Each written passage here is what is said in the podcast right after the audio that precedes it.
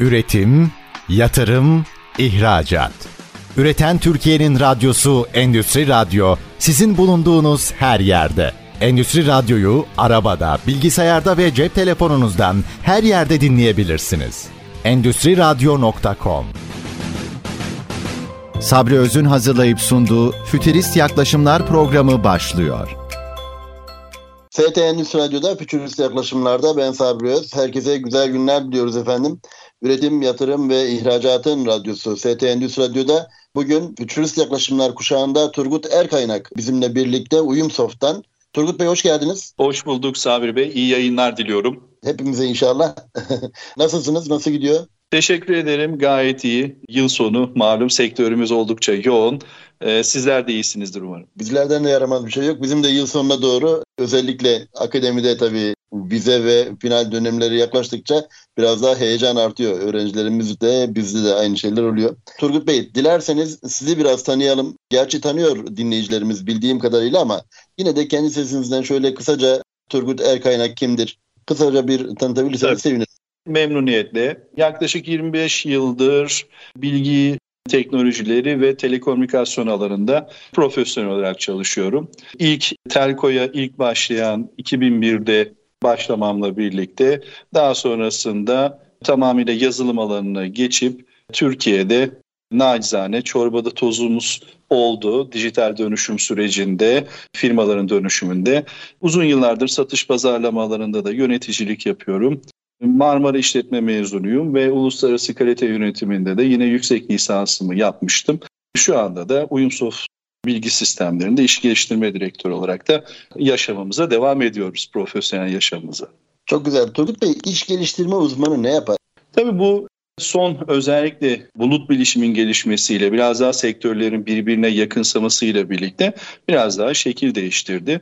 Aslında genel tanımlama anlamında iş geliştirme e, direktörlüğü ya da uzmanı ya da yöneticisi şirketin normaldeki operasyonun dışında yeni bir sektör, yeni bir alan, yeni bir ürün fırsatı, alternatif bir kanal oluşturma, şirkete farklı alanda karlılık ya da bir ivme kazandırabilecek alanlarla ilgili bir iş kolunu yönetir.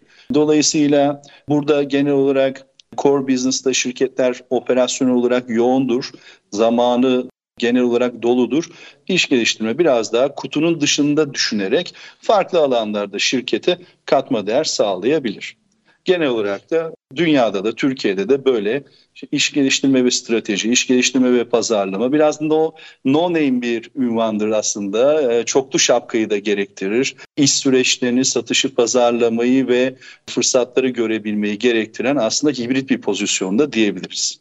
Çok güzel yani çok da güzel ifade ettiniz aslında. Hem no name olması açısından hem de multidisipliner bir yapı olması açısından çok Doğru. önemli teknoloji dediğimiz zaman yani teknolojik ve dijital dönüşüm dediğimiz zaman her alana sirayet eden, her alanı ilgilendiren, her alanda kişilerin bilgisi olması gereken, süreçleri takip etmesi gereken bir alandan bahsediyor durumdayız. Ve bugün ağırlıklı olarak sizinle bulut bilişimi konuşmak istiyorum ama genel anlamda e, sektörde ne gibi değişmeler, ne gibi gelişmeler var? Dilerseniz oradan başlayalım. Çünkü üç bölümlük bir konuşmamız, Tabii. sohbetimiz olacak sizinle.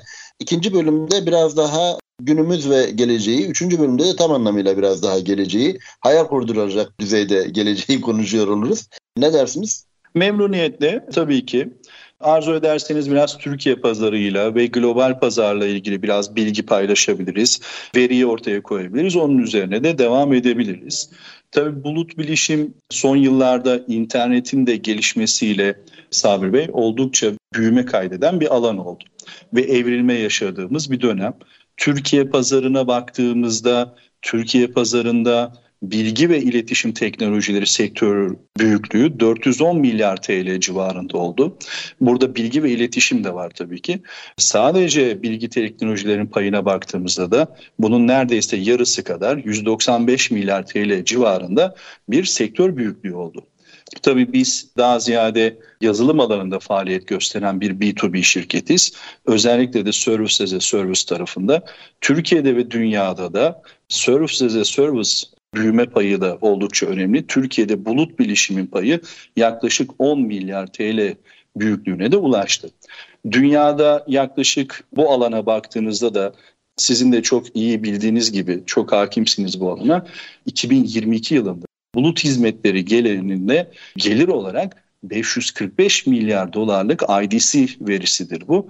Bir büyümeden, gelirden bahsediyoruz. Bunun içerisinde altyapı, platform ve yazılım ve uygulamalar da var. Dünyadaki yazılım ve uygulamaya yani service as a service olarak hizmet olarak sunulan büyüklüğe baktığımızda da yaklaşık 246 milyar dolarlık bir pazar. İşte Türkiye'de bundan bir GDP'ye göre bir pay alıyor. Bu GDP de binde bir civarındadır ve Türkiye'de de bulut bilişim pazarının yaklaşık 10 milyar olduğunu çeşitli STK raporları ve global raporlardan görüyoruz.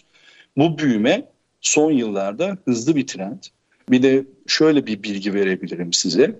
Geçmiş yıllarda yapılan bir araştırmada özellikle Covid öncesi, pandemi öncesinde bulut bilişime yatırım yapan Türkiye'deki şirketlerin yüzde altı civarındaydı. Yani bulut bilişime harcanan, yatırım yapılan para oran yüzde altı civarındaydı. 2022'de ise bu aşağı yukarı yüzde on beş civarında oldu.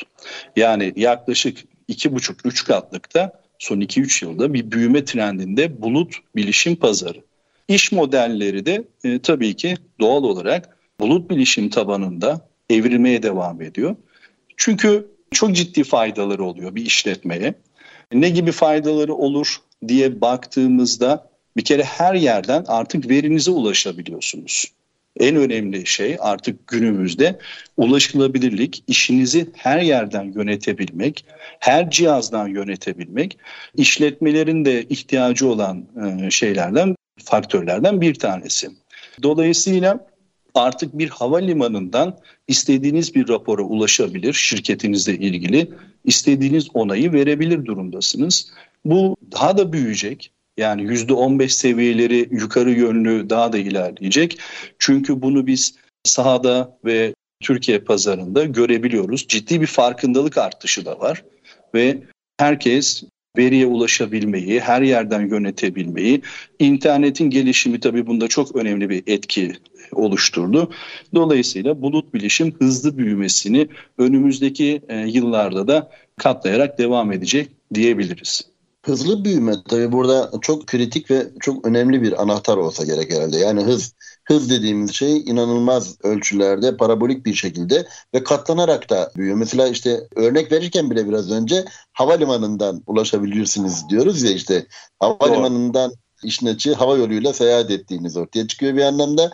Bir anlamda da işte hani daha eski dönemlerde olsa herhalde otobüs terminalinden diyecektik. Yani Doğru. dolayısıyla hız meselesi çok büyük önem kazanıyor. Tabii bulut bilişim deyince sadece hız değil aynı zamanda verilerin korunması ve verilerin bir anlamda arşivlenmesi. Fakat bulut bilişime geçmek isteyen kurumlar Sizce ne yapması gerekir? Ne gibi değişiklikler e, yaşamaları gerekir ve bu konuda işletmelerde acaba bariyerler var mı? Yani hani özellikle değişim istemeyen bir dirençle karşılaşılabiliyor zaman zaman ne bileyim işte e, finansal etkiler söz konusu olabiliyor. Neler söylemek istersiniz? İşletmelerdeki böyle bir dönüşüm için bulut bilişime geçiş sürecinde nelerle karşılaşıyorsunuz? Şimdi bu konuda oldukça yoğun bir çalışmalar da yapıyoruz e, sektördeki paydaşlarımızla birlikte.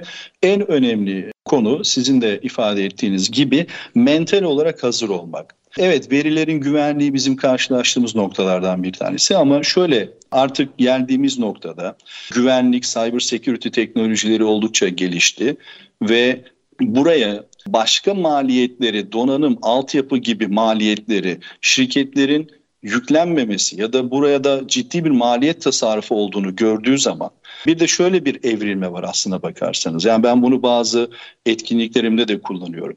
Bu şu anda hepimiz bir elektrik düğmesine bastığımızda elektriğin, ışığın yanıp yanmamasıyla ilgileniyoruz. Eğer ışık yanıyorsa düğmeye bastığımızda herhangi bir sıkıntı yok bizim için. Hemen hayatımıza devam ediyoruz. Yani bunun hangi elektrik direğinden geldiğini, nasıl geldiğini hiçbirimiz şu anda bir sorgulamıyoruz. Bulut bilişimde de geldiğimiz yavaş yavaş nokta ben sisteme web tabanlı loginimi olduğum zaman giriş yaptığım zaman ihtiyacım olan araçlar işimi yönetebilmek için fatura kesme olabilir mi, stoğu görebilmek olabilir, e-ticaret yapıyorsa e-ticaret olabilir. O verilerim geliyor mu? İşimi yönetebiliyor muyum? Ve bunu herhangi bir donanım altyapısı maliyetine girmeden kullandığım kadar ödeyerek yani ve mobilite platform bağımsız yapabiliyor muyum? Esnek bir yapıda ihtiyacım olduğu zaman genişletebiliyor muyum? Bunlar çok daha aslında farkındalık arttığı için tercih edilebilir oluyor. Dolayısıyla birkaç sene öncesine kadar söylediğiniz faktör çok önemliydi bir KOBİ'nin bir işletmenin yatırım yapmasında ama şu anda sürdürülebilirlik maliyeti, işte bu esnek yapı, ekiplerin aynı anda canlı olarak aynı platform üzerinde çalışabilmesi gibi bir ciddi bir rekabet avantajı da sağlıyor bu çünkü. Şu anda oldukça tercih edilebilir durumda. Maliyet hem sahip olma maliyeti daha düşük hem de bunun sürdürülebilirlik maliyeti çok daha ekonomik boyutlara bulut bilişimle ulaşmış oldu. Tam da rekabet avantajını soracaktım aslında. Yani geçmeyen şirketler için aslında yani böyle bir sistemi kendi bünyesinde barındırmayan şirketler için evet siber güvenlik ve data arşivleme meselesi önemli ama aynı zamanda gerek zaman ve gerek de ilave maliyetler söz konusu olduğundan dolayı kendi ürünlerinin mal oluş fiyatlarının yükseleceği düşüncesiyle aslında rekabet avantajı da kaybediyor ifade ettiğiniz gibi. Çok önemli bir şey. Yani Dolayısıyla rekabette var olabilmek için, rekabette avantaj sağlayabilmek için, rekabette efendim öne geçebilme düşüncesini taşıyan işletmeler açısından evet. bulut işimin artık kaçınılmaz olduğunu ifade ediyorsunuz anladığım kadarıyla. Çok doğru. Yani şu örneği de verelim. Çağımız entegrasyon çağı Sabri Bey. Bir yönetim kolaylığı gerektiriyor ve bulut bilişim altyapısıyla sizin hangi sektördeyseniz bu fark etmez. O sektörün ekosistemine tamamıyla entegre olabiliyorsunuz. Her veriye anlık ulaşabiliyorsunuz. İşinizi karar destek sisteminiz yani karar vermenizi çok daha kısa sürede ve bu entegrasyonlarla hızlı bir şekilde yapabiliyorsunuz. Bunun da getirmiş olduğu bir rekabet avantajı var. Dolayısıyla bu açılardan da baktığımızda bir de her daim eskiden biliyorsunuz bir kobi için bu yazılım bir ürün noktasındaydı. Ama şu anda aslında bir hizmet noktasında. Bizim gibi çok değerli sektörde paydaşlarımız da var. Bir de bu ürünün sürdürülebilirliği ile ilgili, güncel olması ile ilgili yani birçok mühendis sizin için çalışıyor.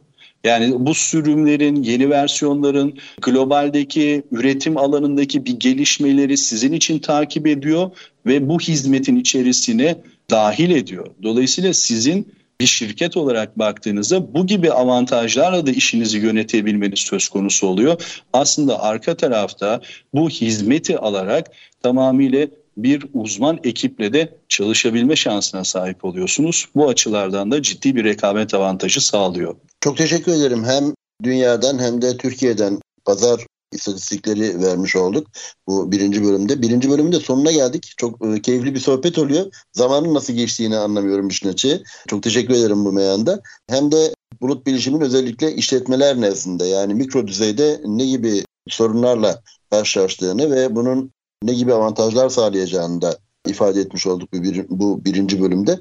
Dilerseniz bunu bu bölümü bu şekilde kapatalım. İkinci bölümde biraz daha hem Türkiye hem de dünya genelindeki gelişmeleri konuşmuş oluruz. Ondan sonra da yayınımıza devam ederiz. Memnuniyetle tabii ki.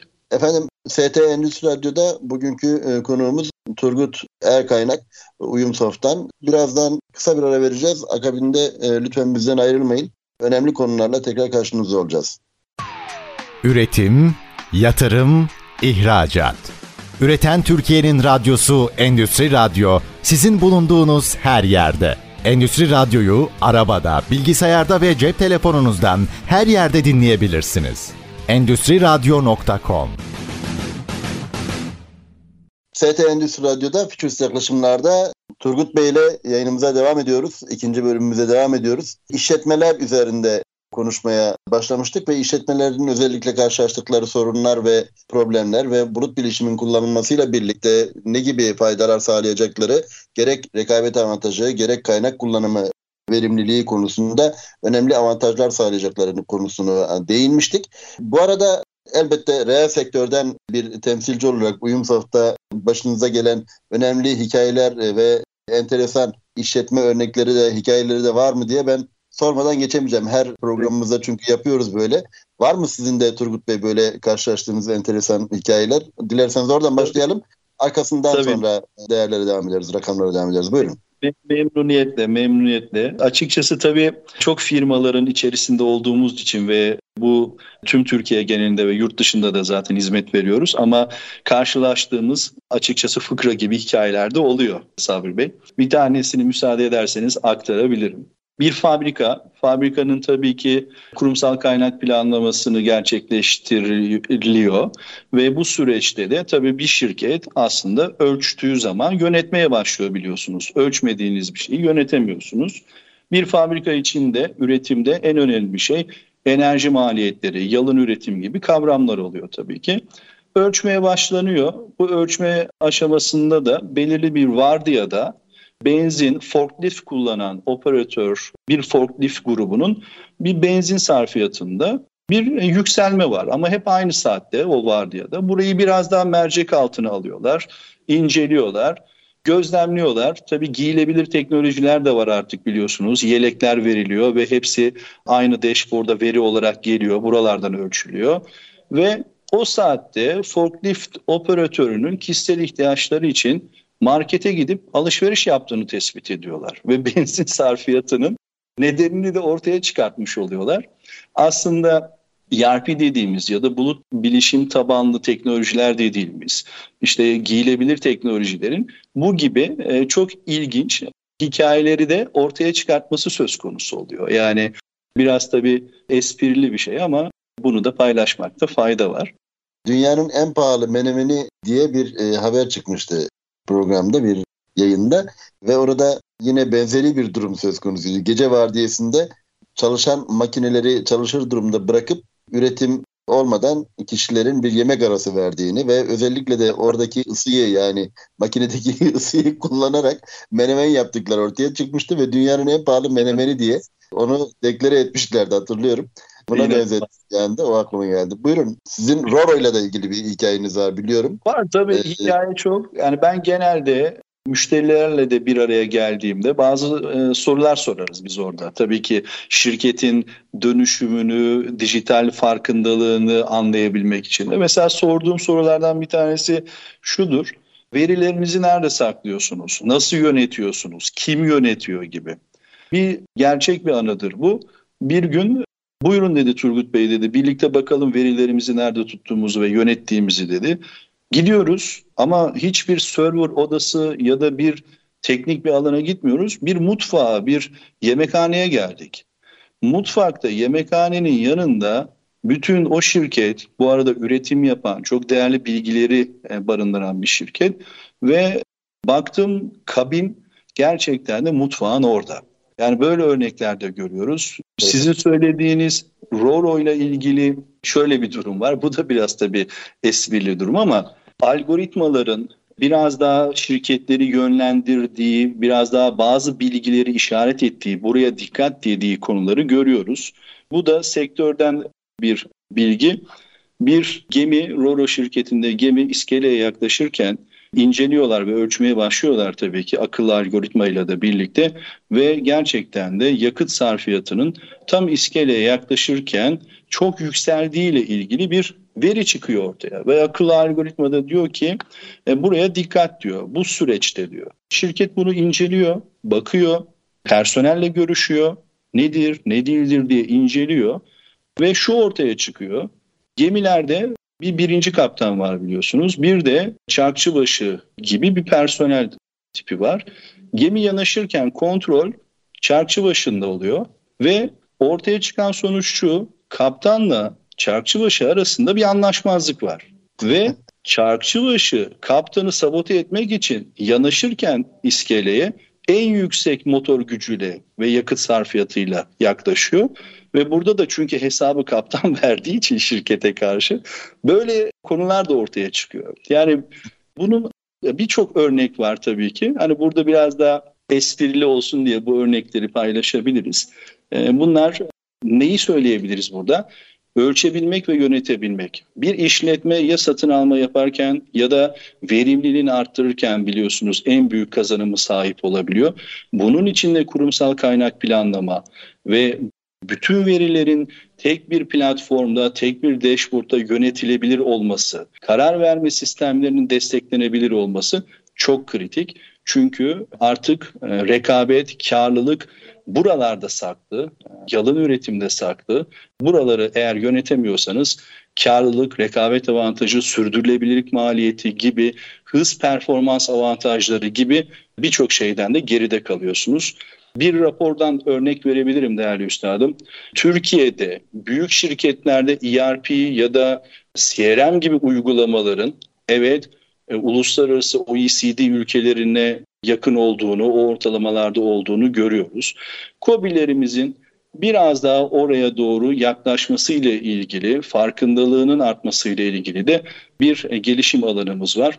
Eğer COBİ'lerimiz bu farkındalığı yukarı doğru çekebilirsek, Türkiye olarak söylüyorum. Çünkü istihdamın %74'ünü Türkiye'de mikro, küçük ve orta ölçekli şirketler oluşturuyor. Ve bu şirketlerin dijital dönüşümü, bu şirketlerin verimli olması çok kritik. Türkiye'nin de uluslararası arenada rekabet gücünü arttırabilmesi için. Bu çok önemli elbette ifade ettiğiniz şey. Yani COBİ'ler sayıca Türkiye'de %98 olsa da istihdamın %74'ü, ihracatın yarıdan fazlası gibi değerlerle, istatistiklerle aslında Türkiye ekonomisinin de ne kadar bel kemiği olduğunu, orta direk tabiri hani vardır ya böyle bir yaklaşımda olduğunu anlamak ve buna göre belki politikalar üretmek gerekiyor. Sizin söylediklerinizden şu aklıma geliyor biraz. Afrikalı bir Afrika'da bir söylem var daha doğrusu bir atasözü var. Bin doğruyu bir yalan örter diye bir şey var. Yanlış hatırlamıyorsam, hafızam beni yanıltmıyorsa. Şimdi böyle bir örneğe, böyle bir atasözüne atıfta bulmuş olmayalım ama sonuçta Endüstri 4.0 meselesi ve siz istihdam deyince Endüstri 4.0'ın özellikle istihdam ve işsizlik konusundaki sorunları hep daha doğrusu başa açacağı problemlerle ilgili çok e, konuşulur. Çok literatürde yayında çalışmalar vardır bununla ilgili. Ama bir yandan da işte verdiğiniz örneklere bakınca şimdi shop insanların çekilmesi meselesi. İşte dargın olduğu için veya ona küs olduğu için al bakalım demesi ya da ne bileyim çok yüksek maliyette bir menemenin üretilmesi ya da işte kendi kişisel ihtiyaçları için bakkala gidip geliyor olması gibi durumlarda bir robotik anlayışın, insansız fabrikalar anlayışının aslında bu gibi şeyleri bertaraf edeceği ifade ediliyor. Tabii yine başta söylediğim gibi yani Afrikalı o deyimin atasözünün gerçekliğini de bilmek lazım. Yani bin tane doğru var tabii evet. insanlar açısından ama bir yanlış da örtüyor işte onları yani böyle de anlatıyoruz sonra. Ne dersiniz? Özellikle algoritmalar tarafından da ifade ettiniz. Algoritmaların farklılığı da aslında bulut bilişimdeki verimliliği ya da efendim rekabet avantajını etkileyen bir unsurdur değil mi? Neler söylemek istersiniz? Var mı algoritmalarla ilgili söylemek istediğiniz bir şey? Tabii şu şöyle sağlayabilirim. Yine bir STK raporundan uluslararası bazı şirket Deloitte gibi şirketlerin raporundan işim gereği çünkü çok rapor inceliyorum. Tabii işimize katkı sağlamak amacıyla. Yani gelecekte baktığınızda en önemli etki alanı olan, ön plana çıkacak olan teknolojik alan ve en fazla etkiye sahip olacağı öngörülen iki tane çok önemli nokta var. Bunlardan bir tanesi bulut teknolojisi. Zaten bu tabanında olacak konunun ve yapay zeka yine bunun üzerine inşa edilecek algoritmalarla da çok ilgili biliyorsunuz. Yani bulut teknolojileri %61 ağırlığa sahip. Bu önümüzdeki 1 ve 3 sene içerisindeki etki gücü olarak yapay zekada %64 ağırlığa sahip. Bunu yapan araştırma şirketi çoklu soru olarak soruyor. Bir iki tanesini birlikte seçebilirsiniz diyor. O yüzden %100'ün üzerinde. Şimdi yapay zeka dediğimiz ciddi bir algoritma. Burada da bulut bilişimle yapay zekanın entegrasyonu, kurumsal kaynak planlamada artık karar verme desteklerini, karar verme altyapısını şirketlerin çok ciddi derecede evriltecek. Yani şöyle baktığınız zaman yapay zeka size diyecek ki üretimdeki şu makinaya, şu CNC tezgahın bir durumuna bir bak diye anlamlı bir veri çıkartıyor olacak. Bunu zaten yavaş yavaş yani yapmaya başladık. IoT entegrasyonu, sahadan veri toplama, bütün makinelerin dashboardta takip edilmesi hem enerji anlamında hem iş reçetelerinin takibi yani bizde yine hani şöyle örnek vereyim. Özellikle Anadolu'da hani bu reel sektörün bir ne yazık ki karşımıza çıkan bir noktası. Tabii ki çok gelişim e, gösteren sektörlerimiz de var. Ustabaşı var. Ustabaşı iş reçetelerini kendisi yönetiyor ve manuel olarak yürütülüyor. Bunların takibi artık işte akıllı algoritmalarla, yapay zeka entegrasyonuyla çok daha farklı olacak. Bir de şu bilgiyi paylaşmakta fayda var. Örneğin yapay zekanın çok daha etki gücü olacağını konuşuyoruz. Bunu aslında hepimiz günlük yaşamımızda kullanmaya başladık. Chat GPT, vesaire gibi. ChatGPT en öne çıkanı ama çok farklı alanlarda da yapay zeka var biliyorsunuz. Videoda, pazarlamada, satışta. Neyse internetin çok büyük bir büyük data havuzu, büyük veri havuzu olduğunu hepimiz biliyoruz ve aslında ChatGPT gibi yapay zekalar bize anlamlı veriyi o büyük okyanusun içerisinden süzüp bize hazır halde bir iki dakika içerisinde getirebiliyor. Şirketler içerisinde de bu böyle yakın zamanda e, başladı ve daha da evrilerek devam edecek. Sizin şirketinizin ürettiği büyük datanın içerisinden yapay zekalar size anlamlı bir veri ve çıktı olarak işinizi daha iyi yönetebilmeniz için çok ciddi katkı sağlıyor olacak. Ve burada da yeni bir sektör, yeni bir iş kolu da aslına bakarsanız ortaya çıkacak. Yapay zekaların veriyi doğru ve sağlıklı bir şekilde verilebilmesi gerekiyor. Bunu iyi tanımlarsanız yapay zeka size o kadar anlamlı veri verebiliyor. Bunu tanımlayan bir mühendislik dalı oluşuyor yavaş yavaş. Buna da prompt mühendisliği adı veriliyor globalde ve Türkiye'de de. Prompt mühendisliği şöyle izah edelim. Özür dilerim Turgut Bey böldüm ama isterseniz bir sonraki bölümde etraflı bir şekilde Tabii. açalım. Çünkü prompt Tabii mühendisliği ki. önemli. Ama ifade ettiğiniz şeylerden yola çıkarak izin verin bir cümlede ben söyleyeyim. Araya gidelim. Aradan sonra özellikle prompt mühendisliği üzerinden çıkıp sonra da bir gelecek rotası çizelim. Ne dersiniz? Tabii. Tabii ki tamam. memnuniyetle. Yapay zeka ile ilgili ifade ettiğiniz şeyler çok kıymetli, çok değerli. Zaten yapay zekanın geçmişi 1950'ler 1960'lara kadar dayanıyor. Yani Doğru. yapay zeka ile ilgili zaten çalışmalar var. Fakat yapay zekanın parlaması veri birikimi olmadan bir şey ifade etmediğinden dolayı özellikle internetin ortaya çıkması ve büyük verinin mine edilebilmesi yani büyük veri madenciliğinin yapılabiliyor olması biraz önce sizin de ifade ettiğiniz gibi büyük veriden anlamlı verilerin oluşturulması ve bunun değer olarak üretilebiliyor olması ekonomide kullanılabilecek hale dönüştürülebilecek olması tabii ki yapay zekayı çok daha ön plana çıkartan bir argüman oldu. Bu anlamda kesinlikle e, fikrim sizinle çok önemli. Bir rapor, çok rapor okuyorsunuz. O anlamda çok güzel de bilgileriniz var. Teşekkür ediyorum bu anlamda dinleyicilerimize kattıklarınız için. Bir rapor var yanlış hatırlamıyorsam Dünya Bankası'nın oluşturduğu bir rapordu. Mayıs ayında ifade edilen bir rapordu. Orada da IoT'nin mesela çok şey olduğu söyleniyor. Yani IoT'nin doygunluk oranı açısından yani yatırım doygunluğu açısından incelendiğinde yatırım doygunluğunda IoT'nin önümüzdeki 5 yıl 10 yıllık süre zarfında çok daha yukarıda bir seviyelerde yatırım gerektireceği ve yatırım alacağı Doğru. konusunda bir ön görü var idi. Bunu da böyle belirtmiş olalım. Dilerseniz şimdi tekrar kısa bir ara verelim. Dediğim gibi zaman güzel ve hızlı geçiyor. Çünkü hem konu keyifli hem sizin anlatımınız çok keyifli. O anlamda tekrar teşekkür ediyorum. FTN News Radyo'da Fütürist Yaklaşımlar tüm hızıyla devam edecek. Üçüncü bölümde Sayın Turgut Erkaynak bizimle birlikte Uyumsoft İş Geliştirme Direktörümüz. Kısa bir ara veriyoruz. Bizden ayrılmayın. Görüşmek üzere. Üretim, yatırım, ihracat. Üreten Türkiye'nin radyosu Endüstri Radyo sizin bulunduğunuz her yerde. Endüstri Radyo'yu arabada, bilgisayarda ve cep telefonunuzdan her yerde dinleyebilirsiniz. Endüstri Radyo.com ST Endüstri Radyo'da Futurist yaklaşımlarda Turgut Erkaynak Bey ile söyleşimize devam ediyoruz. Efendim birinci bölümde özellikle hem geçmişten hem de günümüzden dünya ve Türkiye ölçeğinde istatistiklerle biraz konuşmuştuk.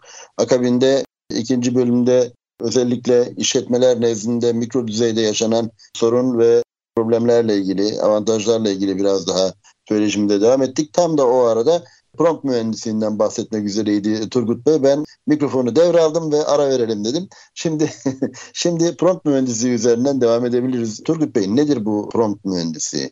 Tabii şöyle yapay zekaya ya da yapay zeka türevleriyle ChatGPT diyelim herkes daha kolay anlıyor çünkü iyi etkileşim kurabilmenizi sağlayan farklı senaryolarda veri girişi yapıp daha anlamlı veriyi alabilmenizi sağlayan bir mühendislik dalı geliyor. Buna prompt deniliyor. Çünkü yapay zekaya bir veri girmeniz gerekiyor ki bu veriyle ilgili daha iyi cevap alabilmeniz gerekiyor. Bu iyi cevapları alabilmeniz için de çok iyi tanımlama yapmanız gerekiyor. Burada da prompt mühendisliği devreye giriyor. Aslında yapay zekalar prompt özellikle olarak çalışıyor. Bir insan oraya o veriyi giriyor ve anlamlı çıktığı alıyor. Burada bu senaryoları yapay zekanın nasıl çalıştığını, algoritmanın nasıl çalıştığını, bunları analiz eden, nasıl giriş yapmam gerekiyor, veriyi vermem gerekiyor ki anlamlı çıktı alayım diye bir uzmanlık alanı geliyor. Aslında biraz daha yapay zeka operatörlüğü, içerik yönetimi de diyebiliriz buna. Bir mix gibi bir profil diyebiliriz.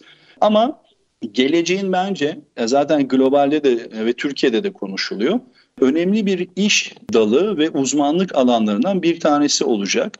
Çünkü artık çoklu kanal yapısındayız. ChatGPT dediğiniz konu ya da prompt mühendisliği dediğiniz konu sosyal medyadan, işte akademik makalelerden bir sürü noktadan içeriği alıyor. Dolayısıyla etkili bir yapay zeka operatörlüğü de geleceğin trendleri arasında olacağı değerlendiriliyor. Esasen aslında hani ikinci bölümde de biraz değinmiştik ya istihdam meselesi. İstihdam meselesinde de yine Profesör Doktor rahmetli Yusuf Tuna Hoca'nın e, yazmış olduğu bir önemli bölüm vardı. Teknolojik ve Dijital Dönüşüm adlı bir eserimizde bir bölüm ele almıştı ve geleceğin özellikle 2050'ler, 2100'lere kadar ne gibi alanların ihdas edileceği, ne gibi alanların ortaya çıkacağı ve bu anlamda aslında işsizliğin yeni dönüşmüş bir takım mesleklerle tekrar bertaraf edilebileceği, daha doğrusu yerine getirilebileceği ile ilgili bir yaklaşımda da bulunmuştu. Anladığım o ki prompt mühendisliği bunlardan bir tanesi önemli bir alan olarak karşımızda duruyor ve gelişmeyi de sürdürecektir diye tahmin ediyoruz. Özellikle yapay zekanın daha da işlevselliğinin arttığı e, bir gündem var çünkü önümüzde. Geleceğe dair neler söylemek istersiniz Turgut Bey? Yani şimdi bu ölçekte hem meslekler ve şeyler değişiyor. Efendim yapılar değişiyor, işletmelerin yapıları değişiyor. İnovasyon tarafında bir takım farklılıkların olması lazım. Bizim Türkiye açısından değerlendirildiğinde durum nereye doğru gider? Türkiye çok ciddi önemli bir kaynağa sahip Sabir Bey. Yani Türkiye'de şu anda 97 tane tekno kent var ve çok ciddi bir üretim yapılıyor. Bu tekno e, kentlerimizde yaklaşık 100 bin çalışanımız var. Mühendis ağırlıklı ve bu alanda teknoloji alanında gerçekten de üretim yapan. Şimdi bu açıdan baktığımızda Türkiye'nin çok ciddi bir fırsata sahip olduğunu ben kişisel olarak değerlendiriyorum. Küresel ölçekte de çok önemli bir söz sahibi konumda olabilir. Çünkü yetişmiş insan gücümüz çok kıymetli, çok değerli. Şöyle de bir şey söyleyebilirim. Ee, yazılım ihracatımız 2021'den 2022'ye göre %50 oranında artmış durumda. Yani bu da çok kıymetli. Bu tekno kentlerdeki şirketlerin yaptığı cirolar %50 civarında artmış durumda. Bu da nedir?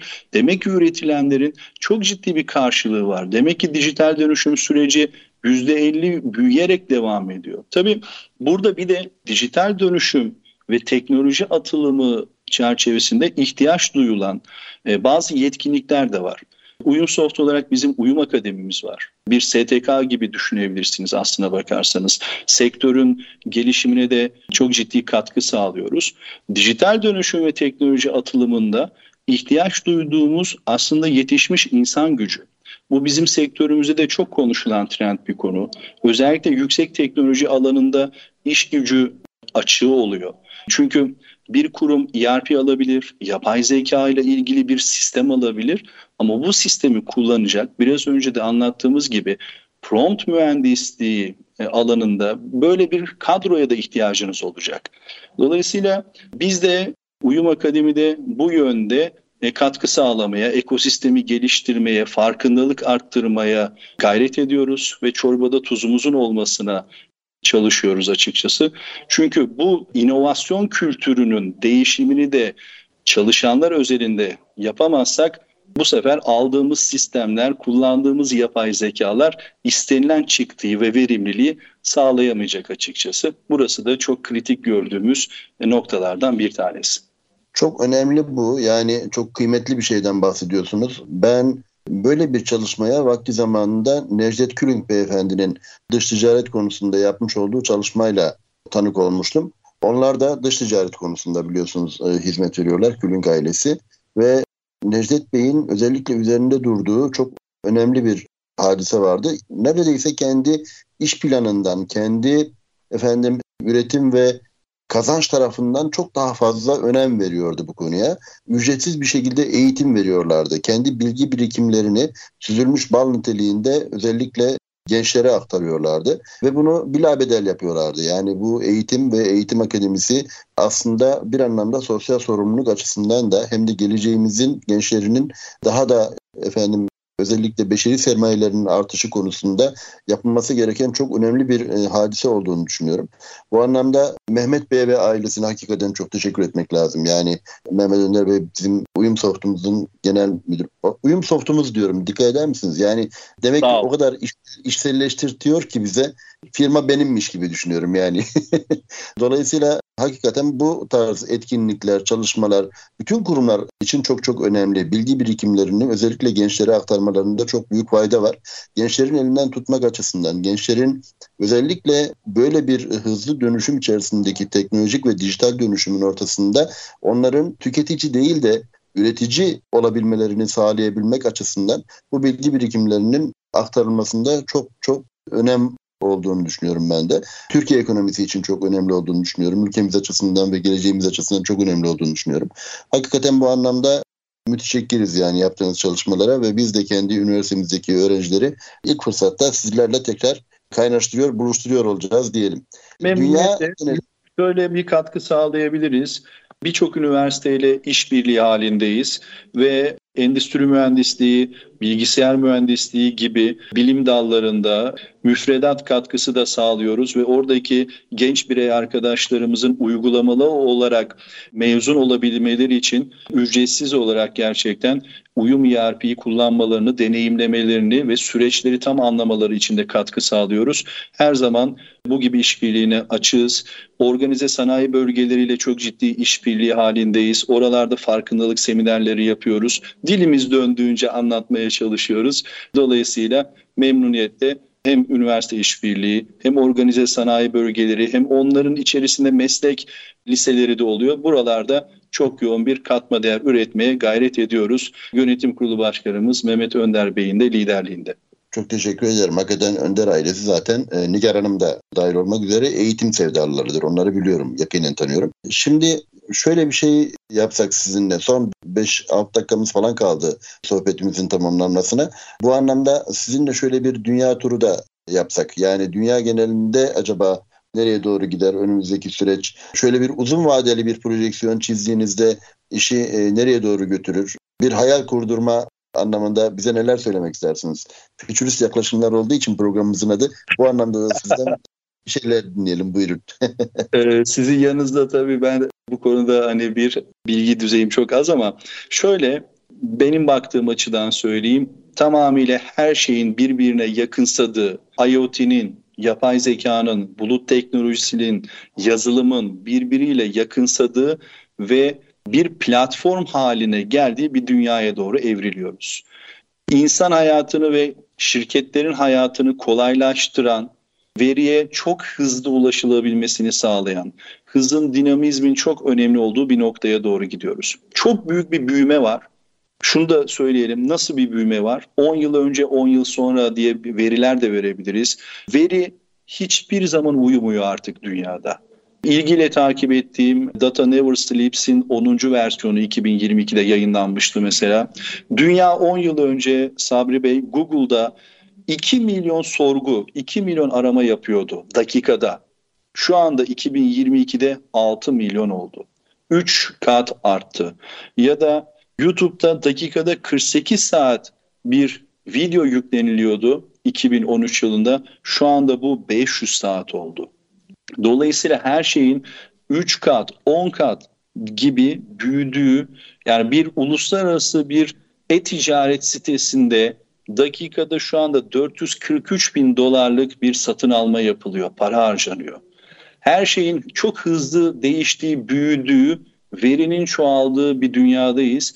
Bunu insanın birey olarak, kişi olarak yönetebilmesi, bir teknolojik araç olmadan, elinin altında bütünleşik bir araç olmadan yönetebilmesi olası değil. Dolayısıyla hibrit, ya bulut bilişimin de sunucusuz hibrit daha hibrit bir dönüşüme doğru evrileceğiyle ilgili birçok araştırma raporu var. Her şeyin birbirine yakınsadığı, bütünleşik tek bir platform altyapısından her veriye her yerden ulaşabileceğimiz şu anda da içindeyiz zaten yaşadığımız bir noktaya doğru evriliyor olacağız.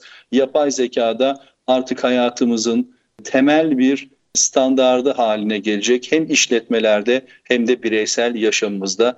Bunlar benim bazıları kişisel görüşlerim, bazıları fütüristik yaklaşım diyebilirsiniz. Ama çok ilginç bir gelecek. Aslında yaşıyoruz hep gelecek geliyor gelmekteydi falan diyoruz. Aslında içerisinde şu an bizzat şahit olup yaşıyoruz da diyebiliriz. Şimdi Çinlilerin bir atasözü aklıma geldi siz böyle söylerken. İlginç zamanlara gelesin inşallah diye. İnşallah demiyorlar tabii de. ilginç zamanlarda yaşayasınız diye bir tabii bu dua mıdır, beddua mıdır o da anlaşılır gibi değil ama ilginç zamanlar öyle tahmin ediyorum daha gelmedi ve çok daha emekleme aşamasında yapay zekaya ve özellikle türevlerine baktığımız zaman, dijital dönüşüm türevlerine, bileşenlerine baktığımız zaman Gordon Moore'un bir ifade ettiği bir makalede hatta Moore yasası diye ifade edilen bir katlama şeyi vardır. İşte 18 ay e, galiba 18 ay demiyor da sonra onu 18 aya çekiyorlar herhalde. 18 ayda bir işte kullanılan transistör sayısının devre başına e, ikiye katlanacağını, fiyatlarında ona göre düşeceğini vesaire falan ve ben de buna katlamanın gücü diye e, bir bölüm yazmıştım. Geleceğin Koridorları adlı bir kitabınızda katlamanın gücü diye bir şey yazmıştım. İkinin kuvvetleri şeklinde parabolik bir şekilde artan bir teknoloji devinimi ve teknolojik dijital dönüşümü söz konusu. Dolayısıyla yani inanılmaz bir hızla gidiyor. Çok anormal bir geleceğe doğru gidiyor aslında ama ifade ettiğiniz gibi 10 yıl içinde değerli üstadım ekonomide yaratılan yeni katma değerin %70'i tamamıyla dijital platforma dayalı iş modellerinden olması bekleniyor. Yani bu çok önemli bir veri. Evet, evet yani ve dünyadaki insanlık tarihinde üretilen verilerin %95'i, %96'sı son iki yılda dijital e, ortama aktarılmış bir durumda. Son iki yıldan bahsediyorum yani İnanılmaz bir hız bu. inanılmaz baş döndürücü bir hız. Ve böyle bir veri içerisinde elbette yapay zekanın da daha neler yapabileceğiyle ilgili. Ha bu bir anlamda tekinsiz vadi ve insanların endişeye sürüklendiği bir takım şeyler var ama öte taraftan da işin pozitif tarafına daha iyi odaklanmak lazım diye düşünüyorum ben ama tabii bu biraz şahsi. Yani işte şu anda savaşlar var mesela. İnsanoğlu bu savaşları engelleyemiyor. Ya da ne bileyim pandemi yaşadık. Pandemiyi engelleyemiyor insanoğlu. Yani insanoğlu derken aslında devletler, uluslardan bahsediyorum. Yani Dolayısıyla ha, sanki yerini yapay zeka alacak da daha iyi bir şey mi olacak? O anlamda söylemiyorum elbette ama yine de insanlığın zayıf düştüğü, insanlığın başaramadığı bir takım hadiseler var, meseleler var. Onlara belki biraz daha farklı bakış açısını ortaya koyacak bir gelişimi de beraberinde getirir diye ümit etmekten başka bir muradım yok işin açığı bunu söylerken. Ben e, hakikaten çok teşekkür ediyorum. Ağzınıza sağlık. Çok güzel bir söyleşi oldu. Çok keyifli ve çok bilgi dolu bir sunum oldu. Turgut Bey tekrar teşekkür ediyorum. Söylemek istediğiniz ben, son bir şeyler varsa alabilirim. Ondan sonra programımızı ben, kapatalım. Ben teşekkür ediyorum. Ben teşekkür ediyorum Sabri Bey. Konuk ettiğiniz için ayrıca teşekkür ederim. Sizinle bir yayın yapmak gayet zevkli. Umarım sürçülisan etmemişizdir. Ettiysek affola diyelim. Dinleyenlere de sevgiler, saygılar. Türkiye'nin önü çok açık olduğunu değerlendirerek kapatmak isterim. genç nüfusumuz, dinamik nüfusumuz inşallah sizler gibi, sizin firmalarınız gibi firmaların da verdikleri, onlara verdikleri desteklerle çok daha ileriye doğru gidecektir. Çok daha müreffeh bir gelecek e, bizi bekliyor olur inşallah diyelim. Efendim bu hafta Turgut Erkaynak Bey ile birlikte Uyumsoft İş Geliştirme Direktörümüz Turgut Erkaynak Bey ile birlikte bir güzel bir söyleşi yaptık. Futurist yaklaşımlarda önümüzdeki hafta farklı konu ve konuklarımızla tekrar karşınızda olmayı ümit ediyoruz. İlim ve bilim üzere kalın diyerek herkesi saygı ve sevgiyle selamlıyoruz.